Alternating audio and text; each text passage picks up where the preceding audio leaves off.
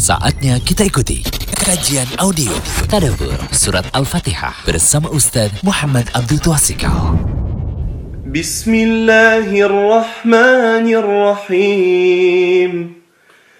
الحمد لله رب العالمين الرحمن الرحيم مالك يوم الدين إياك نعبد وإياك نستعين. اهدنا الصراط المستقيم.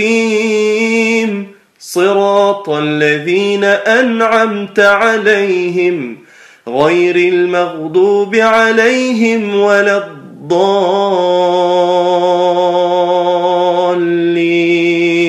Dengan nama Allah yang Maha Pengasih, Maha Penyayang. Segala puji bagi Allah, Rob seluruh alam, yang Maha Pengasih, Maha Penyayang, pemilik hari pembalasan. Hanya kepada Engkaulah kami menyembah, dan hanya kepada Engkaulah kami mohon pertolongan. Tunjukilah kami jalan yang lurus, yaitu jalan orang-orang yang telah Engkau beri nikmat kepadanya, bukan jalan mereka yang dimurkai, dan bukan pula jalan mereka yang sesat. Quran Surah Al-Fatihah ayat 1 hingga 7. Basmalah tidak ditafsirkan oleh Jalaluddin Al-Mahali. Nah, berikut kami ringkaskan beberapa poin dari Syekh Ibnu Utsaimin dalam kitab tafsirnya tentang basmalah. Pertama, basmalah itu disebut dan akan terkait dengan perbuatan tertentu. Kalau kita memulai membaca Al-Quran dengan basmalah berarti dengan nama Allah saya membaca Al-Quran. Jadi dikaitkan dengan aktivitas membaca. Kalau mau makan, baca basmalah berarti dengan nama Allah saya makan. Berarti dikaitkan dengan aktivitas makan. Nah, nama Allah di sini disebut duluan. Dengan nama Allah ya, baru aktivitas ya. Disebut duluan dibanding perbuatan membaca dan makan tadi dengan tujuan. Satu, untuk tabarruk, meraih berkah atau ngalap berkah. Dua, untuk menunjukkan adanya hasyar atau pembatasan makna yang kita artikan itu hanya. Artinya dengan nama Allah hanya dengan nama Allah saya membaca Al-Quran. Saya tidak pakai niatan yang lainnya cuma dengan nama Allah saja. Yang kedua poin penting lagi dari Syekh Ibn Utsaimin dalam kitab tafsirnya yaitu tentang ya Bismillah. Situ ada kata lafaz jalalah Allah. Lafaz jalalah Allah ini adalah di antara nama Allah tidak ada makhluk yang boleh bernama dengan nama ini jadi tidak boleh ada satupun makhluk yang bernama dengan nama ini. Inilah pokok nama Allah. Nama lainnya adalah turunan dari nama ini. Jadi nama Allah yang lain-lainnya itu turunan dari nama pokok ini, yaitu nama pokok Allah, yaitu Allah. Kemudian Bismillahirrahmanirrahim. Ar-Rahman, itu ada kata Ar-Rahman. Nah, poin ketiga, Ar-Rahman itu artinya memiliki rahmat yang luas. Terus ada di situ juga Ar-Rahim. Yang keempat, Ar-Rahim itu artinya Allah memiliki rahmat yang khusus pada orang yang Allah kehendaki. Nah, jadi ini pengertian dari basmalah Bismillahirrahmanirrahim. Jadi ringkasnya untuk Bismillah dengan menyebut nama Allah. Allah di sini dikaitkan dengan aktivitas nantinya ya. Terus kalau nama Allah sendiri itu adalah di antara nama Allah yang manusia tidak boleh bernama dengan nama itu.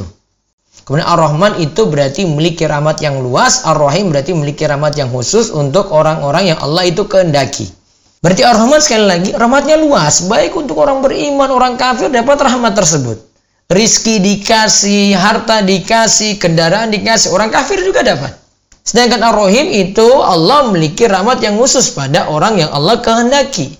Nah, lalu ada pelajaran tambahan lagi dari Syekh Muhammad bin Shalih Utsaimin, kenapa disebut Al-Fatihah? Al-Fatihah ingat artinya pembuka. Surat Al-Fatihah disebut demikian karena surat inilah yang membuka Al-Quranul Karim. Lalu ada pula yang mengatakan bahwa surat inilah yang turun pertama kali secara utuh. Nah, ini penjelasan dari Syekh Muhammad bin Shalih Utsaimin dalam kitab tafsirnya. Terus, apa sih keistimewaan surat Al-Fatihah? Para ulama menyebut surat ini berisi makna Al-Quran secara keseluruhan. Ya, makna Al-Quran secara keseluruhan. Dalamnya ada kandungan tauhid, dalam surat Al-Fatihah itu ada masalah hukum, ada jaza balasan, ada jalan hidup Bani Adam, dan selainnya. Itulah kenapa surat Al-Fatihah ini disebut dengan Ummul Quran. Sekali lagi ya, disebut dengan apa? Ummul Quran, induknya Al-Quran. Karena tempat kembali sesuatu disebut dengan um, induk. Terus surat ini juga merupakan rukun sholat karena Nabi Shallallahu Alaihi Wasallam sampai menyatakan bahwa tidak ada sholat bagi yang tidak membaca al-fatihah. La sholata liman lam yakro bi fatihatil kitab. Tidak ada sholat bagi orang yang tidak membaca al-fatihah. Padahal sholat merupakan rukun Islam yang paling utama. Terus surat ini disebut pula dengan ruqyah. Artinya jika surat ini dibacakan pada orang sakit akan sembuh dengan izin Allah. Sebagaimana hal ini terdapat dalam kisah para sahabat yang meruqyah seorang tokoh ketika mereka mampir padahal sebenarnya mereka tidak dilayani. Sampai mereka menawarkan satu ekor kambing ketika itu kalau memang sembuh. Nah, mereka ketika itu menggunakan surat Al-Fatihah sebagai bacaan ruqyah. Oke, kalau dari penjelasan ini kita simpulkan ya, kesimpulan surat Al-Fatihah itu adalah satu umul Quran, disebut umul Quran, induknya Al-Quran. Kemudian yang kedua, surat Al-Fatihah itu punya keistimewaan karena masuk dalam rukun sholat, wajib dibaca setiap rokaatnya. Kemudian yang ketiga, surat Al-Fatihah disebut dengan ruqyah karena bisa dijadikan bacaan apa? Ruqyah.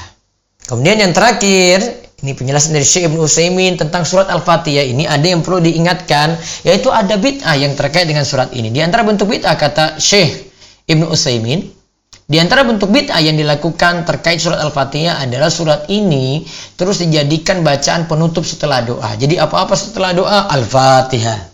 Ini tidak ada tuntunan. Juga surat ini dijadikan pendahuluan sebelum khutbah. Juga dibaca pada acara-acara tertentu. Yaitu ada yang mengatakan uh, bacaan Al-Fatihah. Ya, Al-Fatihah ujung-ujungnya tutup dengan Al-Fatihah. Nah, seperti ini keliru karena ibadah itu harus dibangun di atas dalil dan mengikuti petunjuk Nabi kita Shallallahu alaihi wasallam. Baru saja kita ikuti kajian audio Tadabur Surat Al-Fatihah bersama Ustadz Muhammad Abdul Tuasikal. Jangan lupa kunjungi terus situs rumaiso.com